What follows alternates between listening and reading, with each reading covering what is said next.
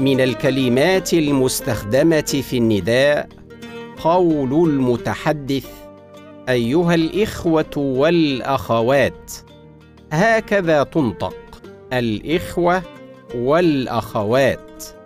بكسر الهمزة مع جمع التكسير المذكر الإخوة وفتحها مع الجمع بالألف والتاء الأخوات. ولكن البعض ينطقهما بغير ذلك. وهذا خطأ شائع. فالصواب أيها الإخوة والأخوات. ولذلك يقول المسؤول مخاطبا الحاضرين أيها الإخوة والأخوات حافظوا على بلدكم فأنتم زائلون وهي باقية.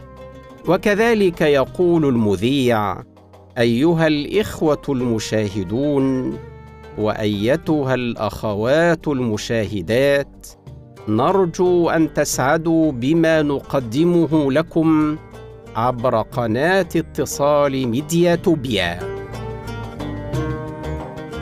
أتقن لغتك. لقطات صوتية نصحح من خلالها نطق بعض الأخطاء الشائعة. نقدمها لكم من ميديا توبيا ولكم تحياتي دكتور عبد الله الخولي.